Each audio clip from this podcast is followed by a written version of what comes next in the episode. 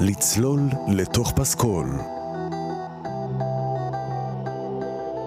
שעה עם דידי ארז.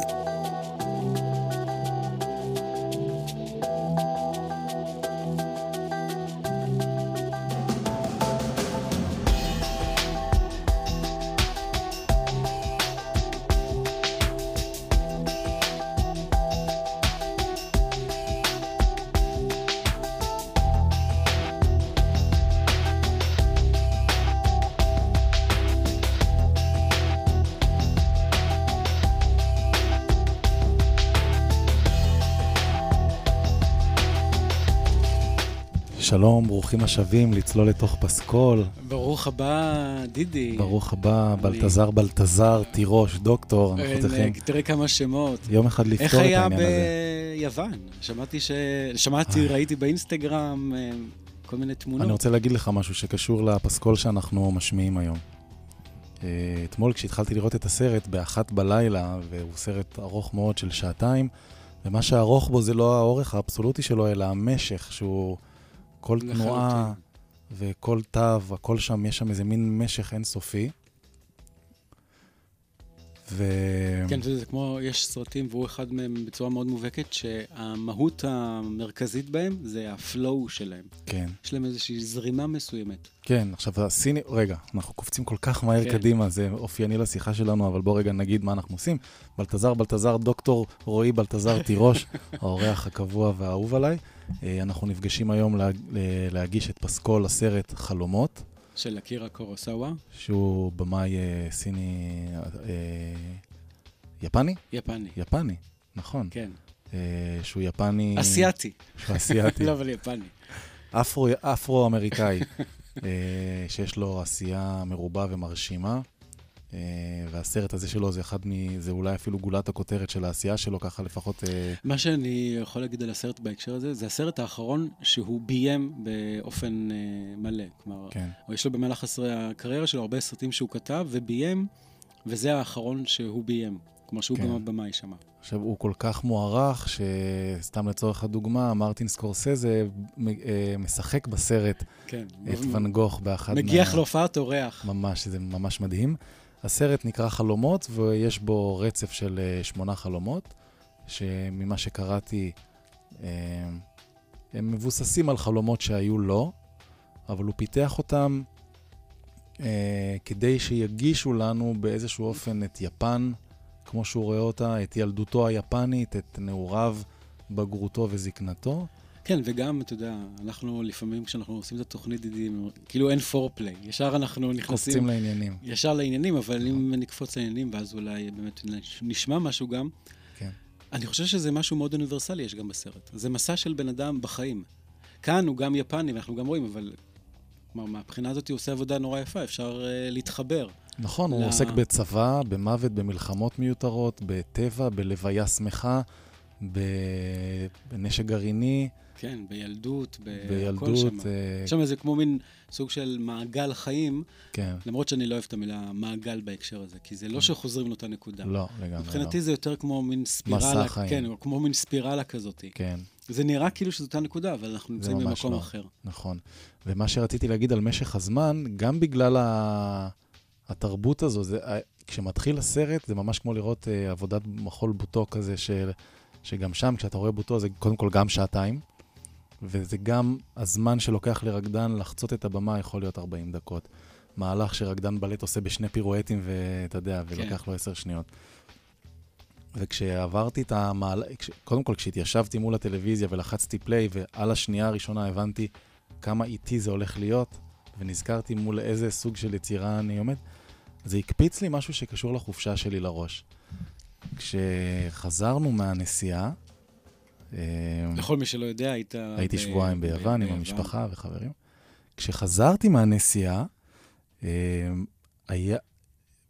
הייתה נסיעה קצת מפותלת, נקרא לזה, כי אתה טס מ... ב... אתה יודע, טיסות, שדות תעופה, מוניות, וילדים נרדמים בלילה, ואתה סוחב אותם על הכתפיים ובאגר, כן, שלוש בהרכבים- בלילה. בהרכבים מורחבים נסעת גם. כן? ואז שמים את כולם במיטות בשלוש בלילה, ואז נשכבים במיטה על הגב, ופתאום הרגשתי שלא עבר בכלל זמן, ממתי ששכבתי על הגב וחיכיתי למונית שתבוא לקחת אותנו לנסיעה, והסתכלתי על השעון ואמרתי, אוקיי, המונית מגיעה עוד חצי שעה, בוא נתחיל להעיר את הילדים. ויצאנו לנס... לחופשה. וכהרף עין, הייתי שוב באותה פוזיציה במיטה על הגב, מסתכל על השעון, אותה שעה, של כזה לפנות בוקר, אבל זה נגמר. זה מאחוריי. הזמן היה פשוט, הוא, פ- הוא פשוט נשרף כמו... זה, אתה יודע, זה או נשרף, או אני אוהב אה, לחשוב את זה, אם היו עכשיו רואים אותי, אני אזהר לא להתרחק מהמיקרופון, כי כן, קיבלתי אזהרות לפני.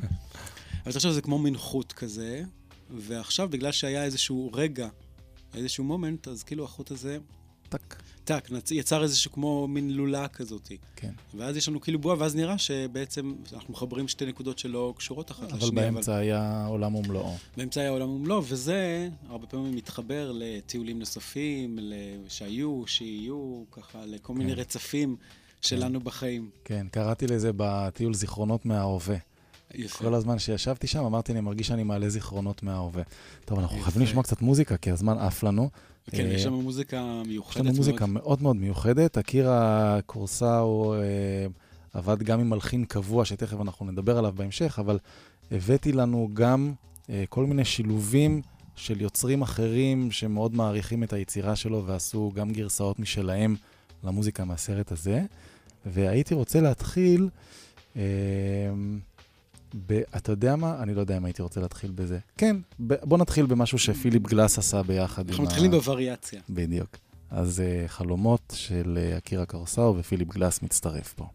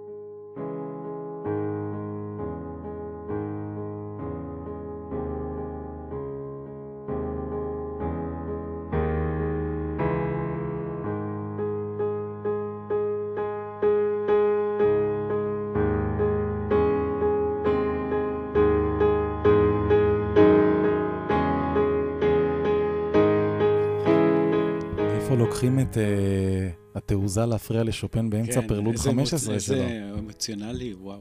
כן, דרמטי כזה. מתאים לסרט. מאוד מתאים לסרט. וזה גם קטע שהיה ממש מהסרט עצמו.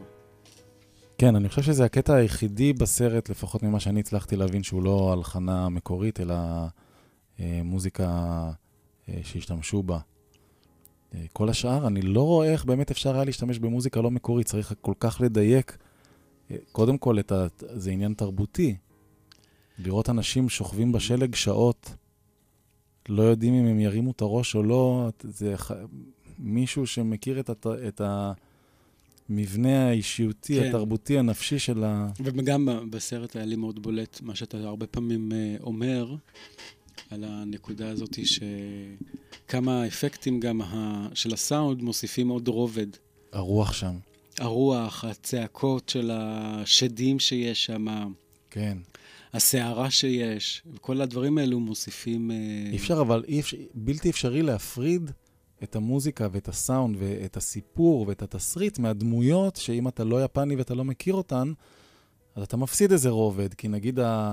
רואים שם קבוצה, באחד הפרקים קבוצה של אה, ארבעה מטפסי הרים כאלה שקועים בשלג עד המותניים, וכבר אה, סופה מטורפת מטביעה אותם כן. לכיוון מותם, ופתאום משום מקום מגיעה דמות של איזו נימפת שלג כן, שמנסה... שכאילו מנסה, זה נראה שהיא מנסה לחמם, כי היא שמה איזושהי שמיכה כזאת עם אה, כסף וזהב, כן. אבל היא בעצם היא אומרת, מנסה "בן אדם, להרדים אותם." להרדים, כן, את זה שנשאר עוד ער. כן, את האחרון שהצליח להחזיק את העיניים פתוחות, היא משכנעת אותו, היא ממש דוחפת אותו עם הידיים, שיחזור לישון כדי שירדם וילך אה, קפוט. כן. הוא וכל חבריו. ואז הסתכלתי, ומסתבר שזו דמות ממיתולוגיה יפנית מוכרת. אבל, כמו שאמרנו ב offline, חלק מהיופי של הסרט זה גם אם אני לא מכיר את כל הרבדים היפניים המסוימים, אנחנו עדיין, כל, כל צופה מתחבר ל... מתחבר ל image, ל sensation שיש שם. כן, את הסיפור אתה יכול להבין לגמרי, אתה יכול להבין שהוא נמצא באיזושהי הזיה, אבל בוא נגיד, ברגע שאתה אמרת לי, זו דמות מתוך המיתולוגיה, כי תראה, הסרט הזה לא מציג סתם שמונה סיפורים אישיים של בן אדם. אתה ישר מבין שיש פה איזושהי תצוגה של אה, מיקרו ומקרו, של המסע שלו בתוך התרבות היפנית. הוא מציג את יפן המודרנית, נגיד, לעומת... אה, דיברנו על זה שבסצנה הראשונה שמתחיל הסרט, אימא שולחת את הבן שלה עם חרב ליער, לך תעשה חרקירי, אם אתה לא מצליח להתנצל בפני השועלים, כן. שעושים, זה איזה מין אגדה יפנית. אה, העלבת אותם, המראת את פי ויצאת בשמש שזרחה בתוך הגשם. אז זה סיפור שיש בו מלא ניואנסים תרבותיים שאתה לא מכיר, אבל הסיפור הוא מאוד מאוד ברור. אימא אומרת לבן שלה, שברת את המסורת, לך תעשה חרקירי, ילד קטן. אבל אתה לא מכיר לגמרי מה זה אומר הפסטיבל השועלים, אתה לא מבין מה זה אה, פסטיבל צמיחת האפרסקים, יש שם המון דברים שאתה לא מבין, נכון. אבל הסיפור עובר. הסיפור עובר, ומה שעוד יפה זה, הרבה פעמים אני חושב שאומן טוב מייצר לך כמו מין, כאילו מתוך שום מקום, הוא מייצר לך כמו איזושהי דלת, ומזמין אותך עכשיו להיכנס ולחקור. כן. ואז הנה, אני, עובדה, עובדה זה מה שאני עשיתי, לא בגלל, רק בגלל התוכנית, אבל הסתכלתי, ואז פתאום ראיתי שיש את האגדה הזאתי, והחיילים עם הפנים הכחולות זה לא סתם, זה גם כן מתוך התרבות. ואז לאט לאט אתה... איך אתה מסביר את זה, אבל זה משהו ממש מעניין. הסרט עמוס באינפורמציה, ארוך ו- ונמשך, ובסופו, במקום לקרוס, אתה יוצא סקרן. זה, אני חושב, עוד פעם, גדולתו של אה, אומן, אה, אומן גדול. כלומר, לא סתם אה, כל מי שמבין קצת בקולנוע, גם מי שלא מבין, שמע את השם אקירה קורוסאווה, והוא... כן. אומן טוב תמיד מייצר space, זה המחשבה שלי. תמיד הוא מייצר איזשהו, אם הוא נורא מלא בעצמו או בדימויים שלו, אתה יכול מאוד להתרשם מיצירה, אבל אתה אומר, די. זה I- לא משאיר לך כן, מקום ל input. משלך. אומן טוב הוא אומן שמצליח גם לייצר איזשהו space, איזשהו חלל שמזמין את ה... זה לא ככה גם בזוגיות? זה ככה, אני חושב ש... אומנות הזוגיות, אם אתה לא שהחיים- משאיר מקום, אני מאמין שהחיים שלנו זה סוג של אומנות. אם, אם מישהו רוצה לקחת את זה. גם חברות, דרך אגב, אם אתה לא משאיר מקום למי שמולך אה, להביא מעצמו, אז אנשים ייהנו לשמוע אותך אם אתה מאוד מאוד ורבלי ומרשים עוד ארבע דקות. לחלוטין, היה לי פעם איזושהי שיחה עם מישהו, ואז אמרתי לו, אני מסתכל על החיים שלי, אבל לא רק שלי, כמו The Art of Living. ואני חושב שכל אחד יכול להיות, אה, לראות את זה ככה. זה דורש כן. כמובן איזשהו, אה, אה, התנהלות מסוימת או מחשבות מסוימות, או כמו שאמרת קודם, זה דורש את האומנות של לייצר את הזיכרון של ההווה. כן. שזה תיאור שאני מאוד אוהב אותו.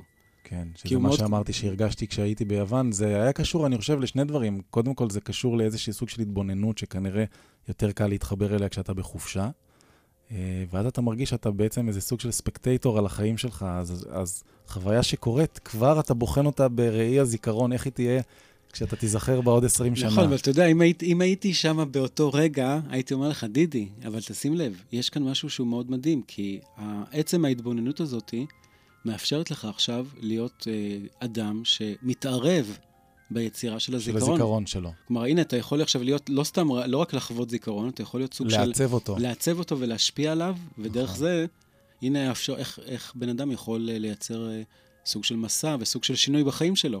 כן. כי ברגעים האלו אתה יכול גם, להכריע, אה, כן. לשנות רגע את הנתיב. נכון, להכריע גם מה, איך אומרים, what will be remembered, מה ייזכר. נכון, אבל שייזכר. הדבר הזה מצריך ממך כמה דברים, זה מצריך כנות, זה מאוד. מצריך אה, יושר פנימי, ומצריך גם. הרבה מאוד אינטנסיטי, כאילו. כן. כי נורא קל עם השמש ועם כוס יין, לראות את זה וליהנות מזה. נכון. ואני אומר, אפשר ליהנות מזה, אבל עכשיו גם צריך... גם לצלול עכשיו קצת. צריך לעבוד גם. נכון.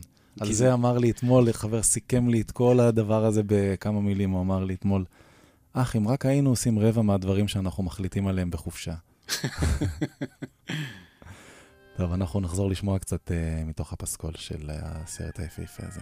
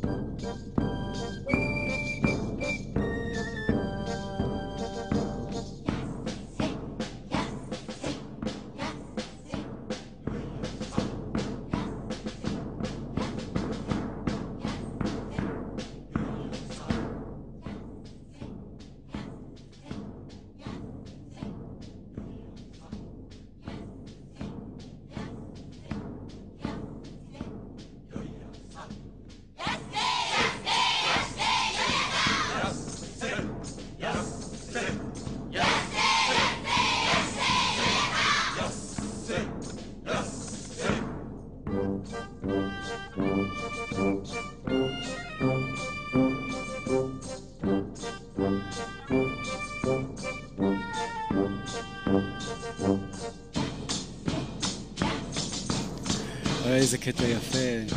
מי שלא ראה עדיין את הסרט, זה מתוך החלום השמיני, ובעצם זה הלוויה. מוזיקת לוויה, כן. מדהים, שהרגע שכל הסרט רצוף ברגעים קשים, והרגע הכי יפה, באמת הכי יפה, לא רק שמח מוזיקלית, יש שם איזה מין קבלה של הכל, הזקן הזה שבסוף אוסף איזה כלי נגינה ומצטרף לתהלוכה הנהדרת. כן. זה רגע של הלוויה. כן, אה, איך אומרים, אה, רחמנא ליצלן, היא מתה צעירה, 99. כן, אבל מה, אה, יש פה איזו אמירה, אתה יודע, למה להתייחס למוות כאילו זה הדבר הגרוע בכל הסיפור? בדרך עברת כל כך הרבה זוועות, יכול להיות שדווקא המוות זה רגע של השלמה וסגירה ומעבר למקום אחר, ו... ואפשר לקבל אותו גם זה, ב... זה אפשרות אחרת, ואני חושב שדבר נוסף שאומר שם הזקן בסוף קשור ל... לא לזה שהחיים היו רעים, איזה יופי למות, אולי הגיע הזמן, אלא שאם אנחנו כבני אדם יכולים לקבל את המסע, וחלק מהמסע זה גם, זה סוף, סופו. גם, גם סוף המסע, זה מאפשר, נכון. גם כשמגיע הרגע האחרון, להישאר זקוף קומה. נכון. וזה אולי הכי חשוב שיש. ולקבל את זה, לדעת לקבל את, את, את כל ה... כן, חלקים ו- של ה- כן, של הטיול. והטקס לא חייב להיות אה, טקס עצוב. עכשיו, הוא אומר שם, תראה, לפעמים גם ילדים מתים. קשה לנו לייצר כזאת שמחה. כן. נכון. But still we do it, כי חייבים לקבל את המוות על כל גווניו כחלק כן. מהמסע. כן, וכל ה... קשה מאוד, קשה מאוד. כל הסרט הזה, הרי הוא מסע, כל השמונה סיפורים שאמרת שאולי תזכיר במילה על בואו הסיפורים. נעבור עליהם רגע. הייתי רוצה, אבל לפני שמדברים על הסיפורים, בגלל שאחד מהדברים שאתה ואני עושים הכי טוב זה לשנות את דעתנו באונליין, אה, להגיד כמה מילים על אקירה קורוסאווה, כי הוא במאי אה, ששווה להגיד עליו כן, לפחות כמה מילים, אז מדובר בבמאי יפני, במאי קולנוע, תסריטאי ומפיק, אה, שביים בסביבות ה-30 סרטים, הייתה לו קריירה מאוד ארוכה, 57 שנים. הוא נפטר בספטמבר 1998, והוא נחשב באמת לאחד מיוצרי הסרטים המשפיעים והחשובים אה, בהיסטוריה של הקולנוע הכללית, לא ביפן כמובן. כן. הוא נולד ב-1910 בטוקיו, הייתה לו משפחה מאוד גדולה, והמקצוע שהוא למד היה ציור. וזה גם מסביר את האהבה שלו לואן גוך ואת הנוכחות של uh, הציורים של ואן גוך כפרק שלם בתוך ה... כן, וגם אחרי ש... אני חושב שאתה גם אומר את זה, וכשקראתי את זה, זה מסביר משהו ב... כל, כל חלום הוא כמו מין סצנה ציורית כזאת. נכון, ממש רואים את זה, את השדות פרחים, או פתאום את נכון. הסערה, או את נכון. ההתפוצצות נכון. הגרעינית. הכל יש לו מימד אה, מאוד אה, כן, מאוד בולט אצלו ויזואלי, הוויזואל, כן. בדיוק, מאוד בולט אצלו שהוויזואליה היא, היא באותה חשיבות uh, של כל, כל רובד אחר בסיפור. לפעמים היא אפילו יותר מספרת סיפור מאשר הטקסט. כן, כמו, כמו, כמו, כמו החיים שלנו. בינינו, אנחנו נורא בייס, אה, משוחדים לטקסט, אבל רוב המסרים מגיעים מה, מהמסביב. מה, מהמסביב. ואז אתה מנסה כבן אדם להשליך את זה ולהגיד, זה בגלל שהוא או בגלל שהיא אמרה את זה ואת זה. מה פתאום? נכון. זה לא, זה קשה. איך היא אמרה את זה?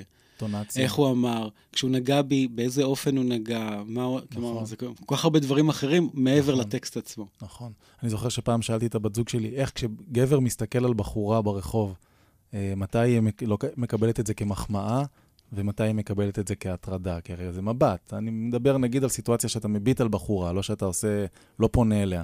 מתי היא מפרשת את זה כמחמאה, איזה כיף, הסתכלו עליי, ומתי היא אומרת, וואו, המבט הזה היה פולשני.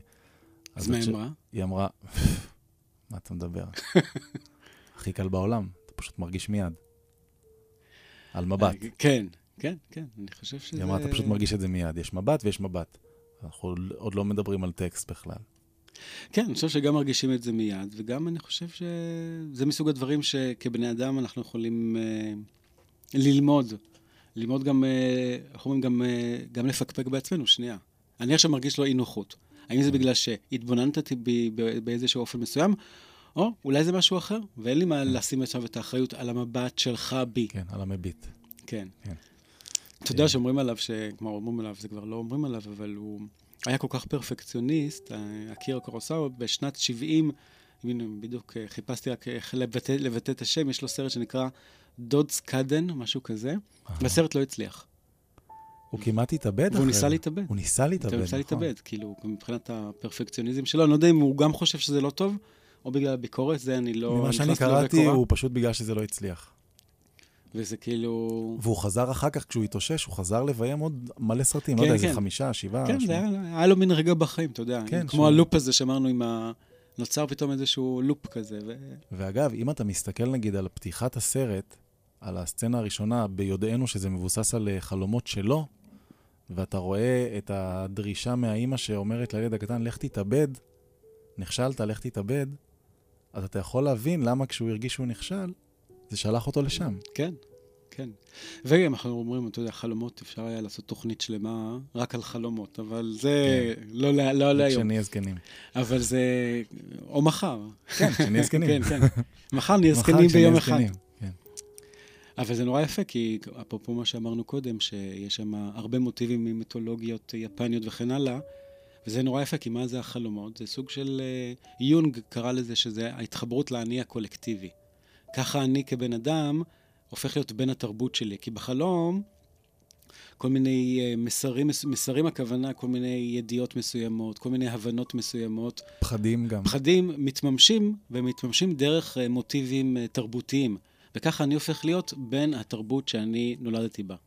כי אני מאמץ את הסממנים של כן, התרבות לתוך כן, הפחדים כן. האישיים שלי? זה מה שזה עושה בעצם? זה מטמיע אותם זה בתוך גם- המבנה שלי? זה גם זה, וזה גם מחבר, כי אם אתה, כי אם עכשיו שנינו, אתה ואני, שנגיד נגיד לא היינו מכירים אחד השני, דידי ובלטזר, כן. והיינו הולכים, והיינו רואים נחש, פשוט, בוא נלך הכי, הכי סימבולי שיש. כן.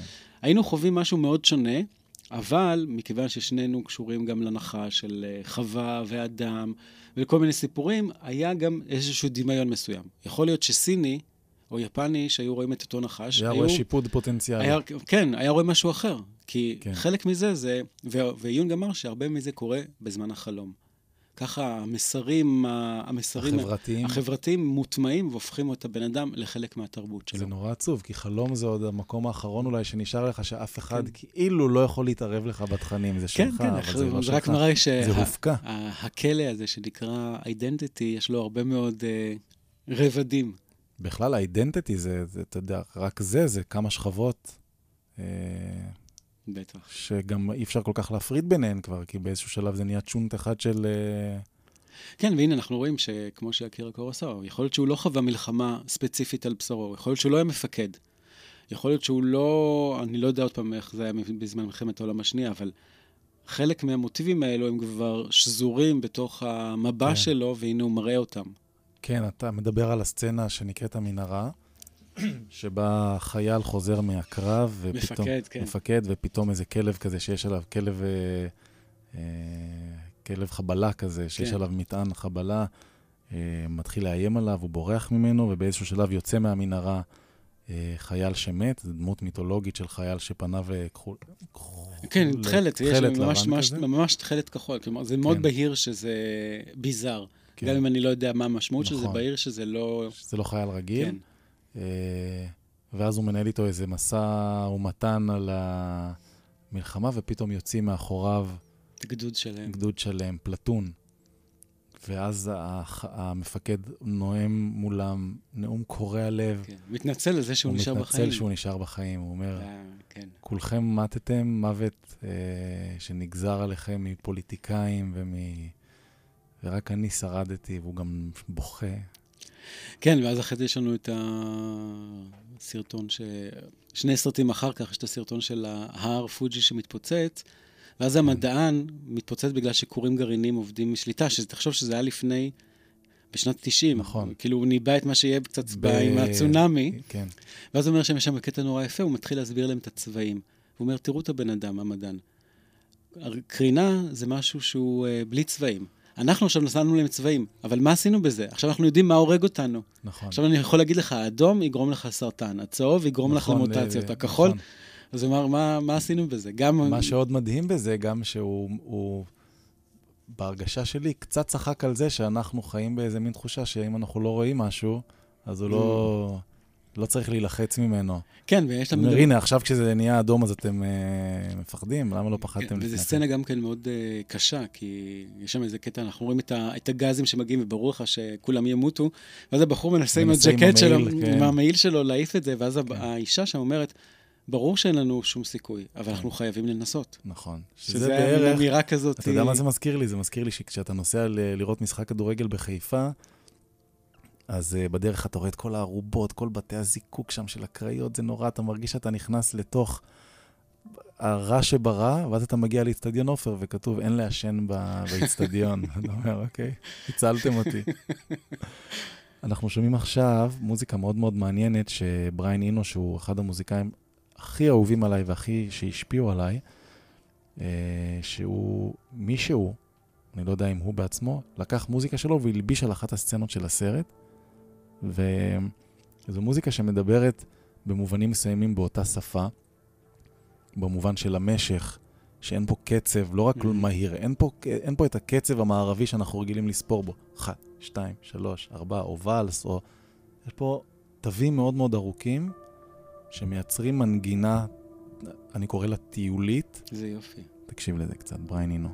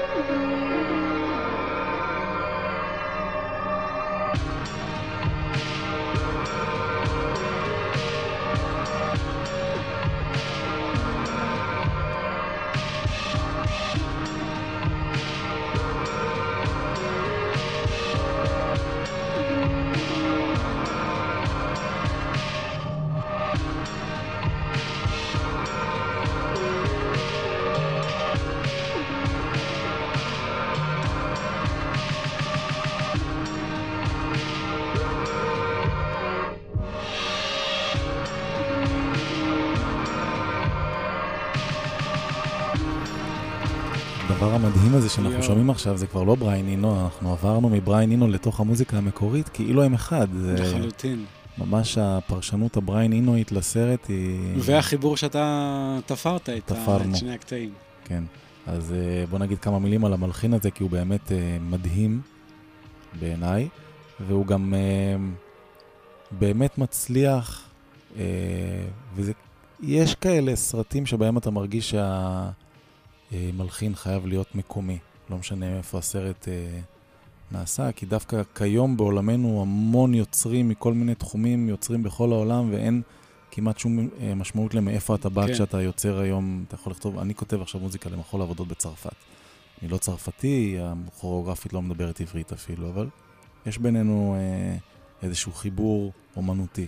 אבל פה, במקרה הזה, הסרט עוסק ברבדים כל כך עמוקים של התרבות המקומית, שאני באמת לא יכול לדמיין מישהו לא יפני, אה, אבל הנה בריינינו. נכון? תחשוב, הוא יכול היה לעשות את מלאכת אבל אני לא, המחשבת של יודע, ה... אני לא יודע, אבל אם הבמאי היה מסוגל לשים את הדבר הזה כפסקול של הסרט שלו. כן, הוא שם את שופן בפנים, נכון. אז זאת אומרת שהבמאי שלנו הוא הרבה יותר... הוא יותר אה, פתוח ממני, זה בטוח, למזלנו. אה, אז אנחנו מדברים על המלחין שקוראים לו, ויסלח לי אלוהים אם אני לא יודע להגיד את הדבר הזה, שיניצ'ירו איקבה. קוניצ'ואה, בשלום? עבר לחלוטין. אה, שיניצ'ירו איקבה, מלחין יפני, היום הוא כבר בן 73, אה, והוא מלחין מאוד מאוד מוערך ביפן. קודם כל, אה, התחום ההלחנה שלו זה באזור ה-contemporary classical music, זה מוזיקה מודרנית, מה שאנחנו קוראים בעברית. הוא עשה לרוב. הסרטים, הוא עשה להמון סרטים של אה, אה, אקירה, אבל לא את כולם, זה פשוט לאקירה קרוסאווה יש 30 סרטים, אבל אני חושב שהוא היה המלחין של הסרטים המפורסמים שלו. חוץ מזה, הוא הלחין המון המון אופרות והמון המון מוזיקה לתזמורות והמון סרטים וסדרות, קיבל המון המון פרסים, אה, והוא היום אה, מרצה אה, באוניברסיטה, הוא גם בעצמו למד באוניברסיטה של טוקיו ועשה שם תואר ראשון, תואר שני במוזיקה, הוא כזה מוזיקאי מאוד מאוד מלומד, הוא מגיע ליצירה המודרנית עם מטען מאוד רחב. יש יוצרים מודרניים שמגיעים למודרני בגלל ש... אין להם את ה... קל להם להתבטא כן. שם, לא חסר להם המטען התרבותי הקלאסי, הוא מגיע מלומד ו... אני חושב שגם שומעים את זה. הוא גם מוזיקאי שלא מנסה להשוויץ, אני לא יודע אם אתה זוכר, אבל ב... לפחות בחצי סרט הראשון המוזיקה מאוד מאוד מינימליסטית, מאוד מאוד לחלוטין. עדינה, מאוד לא משתלטת, לא שוויצרית. תגיד, הנה עכשיו שאלה שפתאום עלתה לי. הוא המלחין של הסרט, אבל Mhm. חוץ מהמלחין של הסרט, יש גם מישהו שאחראי על ה sound effect, או שהמלחין הוא גם זה שקובע את ה sound effect? כלומר, איך זה, איך זה נראה? יש בשלבים של עבודה על סרט, יש את uh, מה שנקרא post production. post production, אחרי שנגמרו הצילומים, עושים את כל הפרוססים של אחרי. אחד מהפרוססים האלה זה מוזיקה, ואחרי שהמוזיקה מסתיימת, היא נכנסת לתהליך הרבה יותר גדול שנקרא עיצוב פסקול. עיצוב פסקול בעצם מורכב משלושה רבדים. יש שם את המוזיקה, שהיא ערוץ אחד, יש אפקטים ודיאלוגים. דיאלוגים זה אומר, אה, כל הדיאלוגים שאתה שומע בסרט, בחלק גדול מאוד מהסרטים מוקלטים מחדש בכלל, אתה לא שומע את מה שדיברו על ה...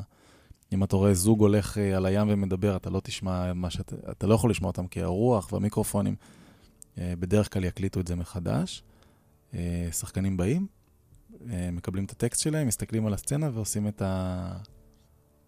זה, זה חלק גדול מאוד ממה שאתה רואה, זה איזה אפילו קטע. לא חלק, אה, זה חלק, זה הרוב.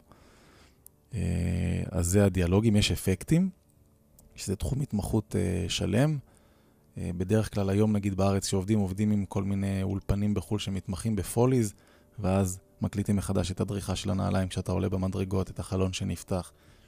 אם יש סצנה שבה רואים אותי ואותך יושבים בחדר, אז מישהו בחר את המזגן, איך הוא נשמע ואיזה מכונית עוברת בחוץ, אה, וכמה מכוניות עברו, ואם שומעים בחוץ ילדים משחקים או איש מבוגר משתעל או אוטובוס, אה, ואיך הקול שלי נשמע ומאיפה אני מגיע מצד שמאל או מצד ימין, האם נושבת רוח כשאנחנו הולכים ברחוב, אם יורד גשם. הגשם שאתה שומע בסרט הוא לא הגשם שירד ברחוב, מביאים סאונד מושלם של גשם. עכשיו זה ה- אותו מעצב פסקול שבוחר את הדברים. מעצב הפסקול הוא אחראי... הוא, כמה הוא עומד אה, בחפיפה ובהלימה עם הבמאי? כלומר, אז תראה, אני אגיד לך משהו.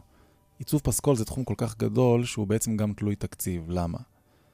בארץ, כשעובדים uh, על סרטים שאין להם תקציב גדול, מעצב הפסקול אחראי גם על האפקטים, גם על הדיאלוגים, הוא גם מקבל את המוזיקה ומכניס אותה במיקס כמו שנראה לו ראוי, וזה שלב שהבמאי מאוד מאוד מעורב בו. זאת אומרת, זה בעצם מכתיב את כל איך שהסרט נשמע. אתה מבין? יש פה... כן.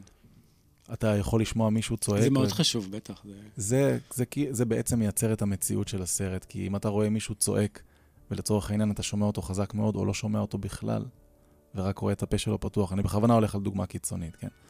עכשיו, כל רובד כזה, כל אפקט, כל דיאלוג, כל מוזיקה, מכתיבים איך הדבר הזה בסופו של דבר נשמע. וכשאני כותב מוזיקה ואני מעביר אותה למעצב הפסקול, הוא יכול להחליט שהמוזיקה נשמעת מאוד מאוד חלש, כמו טרנזיסטור בחדר. כשאני בכלל כתבתי אותה score לסרט. ואז פתאום אני יושב אצל המעצב כספורט פסקול, ואומר, רגע, רגע, מה זה, אני לא שומע כלום, איפה ה... איפה מה שכתבתי? אה, כן, החלטנו שזה יהיה בסוף, אה, אני מגזים. זה בדרך כלל לא ככה, זה דיאלוג כמו בכל תחום של יצירה. דיאלוג בינך לבין המעצב פסקול ובין הבמאי. הבמאי כל הזמן מעורב. מה שנכון, שבדרך כלל במאים שיש להם איזשהו ביטחון עצמי בסיסי, יודעים לבחור את המעצב פסקול שהם מעריכים את העבודה שלו, שהיא הרי יצירת אומנות בפני עצמה, אומרים לו, קודם כל תייצר לי עולם, אני לא מתערב לך. תייצר עולם, אני אבוא עוד שבועיים אה, ונתחיל משם. ואז מתחילה מלאכת מחשבת של פותח לי טיפה את הדיאלוג. פה כשנפלה קופסת שימורים זה חזק לי מדי. פה כשהוא משתעל... אני, רוצ, אני רוצה בעצם אה, יותר ילדים קטנים, יותר קולות של בנים או כן. בנות בחוץ ופחות... אה, כן, כן, למה כל כך הרבה אוטובוסים? או למה בכלל אנחנו שומעים בחוץ אה, ילדים צוחקים? עכשיו שם אין, זה ערב, אני בכלל רוצה שיהיה שם אה, טן מיילל. אני באמת לוקח את זה לשחור ולבן, אבל זה באמת ירידה אינסופית לפרטי פרטים, ובמאי מעורב בזה ברמה הכי גבוהה, כמו בצילומים. ובסופו של דבר, המעצב פסקול, התפקיד שלו מאוד חשוב, כי הוא אוסף את כל האינפורמציות שנאספו בסרט, והוא מחליט מה חזק לך ומה חלש לך. מה מקבל את הבמה, מה משמש רקע. אתה יכול להבין שזה בעצם כמו שצלם מחליט לצלם את שנינו ולשים פוקוס עליי או על השחקן שלידי. זו רמת החשיבות בעיניי של, אה, של הפסקול ושל ה... כן, של עיצוב פסקול. אז הנה, ש... עוד שאפו לאקירה קורסאו, כי יש כאן פסקול באמת מרשים מאוד. מדהים, ובכלל, אה, פסקול מרשים מאוד גם במוזיקה וגם עיצוב הפסקול בכלל. כל הרוחות בשלג. פו, מה, אין לנו זמן, אני רוצה שנעבור רגע על ה... קצת על, על החלומות. התוכן. על החלומות, אוקיי? אנחנו שומעים דרך אגב ברקע עוד, עוד קטע של פיליפ גלאס שעשה שילוב של יצירה שלו ושל המלחין המקורי של הסרט. אז הסרט כאמור כולל שמונה חלומות, חלקם סיוטים, כל חלום מספר סיפור שעומד בפני עצמו, וביחד הם מהווים, אני מקריא כמובן. האמת אה, היא שאם אנחנו חושבים על זה, אולי חוץ מהסרט האחרון, זה החוויה שאני חוויתי בתוך הסרט, כמעט כל חלום יש לו אלמנט קשה, מסוים. מאוד. של אשמה, של אה, בושה, של כן. חרטה, של איזשהו של קושי. ציות או חוסר ציות. גם של- הסרט הראשון, כמו של כל הסרטים עם. הילדים, ה... כולם שם הם כאילו, סרט- יש שם כאילו העיבודים בעין של אה, חוויות אה, מורכבות. הוא מבסס את זה על חלומות שאתה יודע, הוא עשה את הסרט הזה בגיל מאוד מבוגר, והוא ליקט שמונה חלומות שהיו מאוד משמעותיים לו בחיים. הם, כדי שחלום יהיה כל כך משמעותי, הוא כנראה צריך לעבור על איזשהו כלל אה, עשה, כן, אל אתה יודע. תעשה כזה כן, דרמטי. אתה יודע, הוא ליקט חלומות, אה, חלק מהחלומות אני גם, אה, ואני אומר את זה בהערכה רבה, הוא גם יצר אותם. כן. אני- לא כן, שהוא כן. חלם בדיוק על ברור, זה. ברור, ברור, ברור. הוא גם, הוא, הוא יוצר, הוא מניפולטור, כן. זה ברור, כן, אף אחד לא מצפה שהוא יהיה דווקן. אה, אז החלום הראשון שאנחנו מדברים עליו נקרא שמש מבעד לגשם, על פי אגדה יפנית, כאשר, כאשר השמש זורחת מבעד לגשם, אורחים השואלים את חתונותיהם. זה מקסים. אה, בחלום הראשון אה, יש ילד שיוצא החוצה לראות את השמש שזורחת, ואימא שלו מזהירה אותו, היא אומרת לו, אתה חייב להישאר היה בבית. שם קטע יפה של מוזיקה כזה, ושל. עצום מהמחול שלהם והתנועה. מאוד, מאוד יפה. והיא אומרת לו שלא תעז לצאת החוצה, אתה רואה שמש, אבל אל תתבלבל, אה, זה מסוכן, השועלים עכשיו יוצאים, והוא לא מתאפק והוא בורח ועומד מאחורי איזה עץ, ומציץ לחתונה שלהם, והם רואים אותו. הוא בורח הביתה, אה, וברגע שאתה מתחיל להרגיש אה, רגוע שהנה הוא הגיע לבית, אימא שלו יוצאת החוצה עם סכין, ואומרת איך לו... נגע בך הסצנה הזאת, הרג אה? אותי, זה הרג אותי. אימא שלו, והיא אומרת לו, אני לא מכניסה אותך הביתה, אתה עשית את מה שאסור לעשות, וראו אותך ויודעים שעשית את זה. דע לך שהשועלים לא ממהרים לסלוח, היא אומרת לו. אבל, אבל, אבל, לך, לך תבקש סליחה, וקח איתך את הסכין הזה, אם הם לא סולחים עליך, אל תחזור, תעשה חרקירי. נכון? אז כן, ואז הוא אומר לה, אבל אני לא יודע איפה הם. היא אומרת לו, תלך לקשת. אתה יודע... לקשת, הוא אומר, תלך עד הקשת. ודאי יודעים שאתה שהיא תמיד יודע. מתרחקת. יותר כן. גרוע, הוא אמר לה, אבל אני לא יודע איפה הבית שלהם. אז היא אומרת לו, ודאי שאתה יודע. אתה יודע איפה הקשת? מתחת לקשת. שזה בעצם כמו להגיד לו, לך ואל תחזור. כן. מדהים. אז זה זה הסרט הראשון. אז זה החלום הראשון. החלום השני נקרא מטע אפרסקים, והוא אה, לדעתי אחד מהרגעים הוויזואליים המרהיבים של הסרט. כן, אה, שגם זה, כמו שאמרתי לך, מתבסס על זה שיש חג כזה ביפן, שבו חג הבובות, בובות חרסינה, שהוא קורה בזמן של פריחת האפרסקים. נכון, בדיוק, בזמן האביב, ובמהלך הפסטיבל הזה מציגים את הבובות, ופה בסרט, בחלום הזה, אה, מדובר על איזשהו פרדס שכרתו אותו, כרתו את Mm. כל העצים, והבובות אה, מייצגות את העצים שנקדמו, כן, את הזעם שלהם גם. כן, והם מטיחים בילד הקטן הזה, זה הכל באשמתכם, אנחנו, איך הם אומרים שם? אנחנו אה, טובעים בצער והיגון על המוות של עצמנו, מילים קשות כאלה. כן, איך אתם יכולים לשמוח וכרתתם את כל העצים? כן, אנחנו הנפשות הבוכות על, על מותנו של העצים וזה וזה, והילד שם מתחיל לבכות, לבכות ולבכות, ואז אה, הוא פתאום מתחיל לצעוק עליהם מתוך הבכי. אני בכלל לא שמחתי כשכרתו את העצים האלה, אני הייתי עצוב מאוד. אני בכיתי, אני אהבתי את העצים האלה, ואז הם, אה, אני עכשיו כבר מקווה שאני מפרש נכון את הסצנה, הם מאמינים לו, הם נותנים לו לחזות. עושים לו מחווה כן. אחרונה כזאת של הנה בוא, הם עושים איזה ריקוד, מאוד יפה. כאילו ריקוד פריחת האפרסק. ריקוד פריחת באופן האפרסק. עקרוני, כן. כן, שבסופו פתאום הוא מק- מקבל חיזיון של כל פריחת האפרסקים במלוא הדרה. ואחר כך אנחנו רואים שכל השדה עם עצים כרותים. כן, חוץ. מעץ אחד פתאום. באבחה אחת. אה, ואז עוברים לחלום הבא. החלום הבא, אולי תספר קצת אתה עליו, סופת השלג, למרות שזה החלום שאני הכי אז אהבתי. יאללה, לך על זה. יש משהו ב... כבר ברגע שראו אותם צועדים עד המותניים באיזה מין קושי אינסופי כזה, אני הרגשתי שאני פשוט, אני נמס שם בתוך השלג הזה. זה... הכל קטן, הפריים נורא קטן, הכל צפוף. למרות שהם בתוך ערבות שלג ענקיות ואינסופיות בערים, אתה מרגיש שאתה קלסטרופובי כזה. והם מנסים לנצח את הטבע, ושלושה מתוך ארבעה מרימים ידיים, ואחד שם צועק עליהם, אתם קוראים לעצמכם מטפסי הרים? אנחנו אנשי הערים. אנחנו. מה, אתם נותנים לשלג לנצח אתכם? אתכם? איך? אל תעצמו עיניים, הוא עובר והוא מנער אותם אחד-אחד, אל תעצמו עיניים. ואז מגיעה הדמות הזאת שסיפרת עליה, מהמיתולוגיה היפנית, שמנסה גם אותו להרדים. היא אומרת לו, היא אומרת לו, קרח זה חם, הקרח מחמם. יואו, איזה מטורף. והכל כחול כחול ורעש אינסופי של סופות, ואז גם הוא נרדם, ואיכשהו אני לא מבין איך פתאום הוא מתעורר, והסופה קצת נרגעת, והם מצליחים פתאום לראות שממש מטר מהם נמצא האוהל של התחנת אה, זה, כן.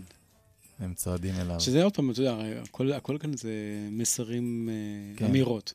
אחת מה? מהאמירות זה, החיים באים ואומרים לך משהו. אתה יכול אה, להסכים ולשקוע, ומבחינת אותי למות באופן מסוים. נגמר לנו הזמן, טוב, מה עושים? אנחנו אה, אנחנו. בואו נפרדים ונייצר את הזיכרון של ההווה, שהוא התוכנית הזאת, ונמשיך. נכון, אז קודם כל אני רוצה להגיד אה, על רקע המוזיקה היפה של הלוויה, אה, אני רוצה להגיד תודה רבה לך, דוקטור דוקטור בלטזר בלטזר רועי תירוש, על האירוח הזה ועל הסרט שהזמנת אותי לראות.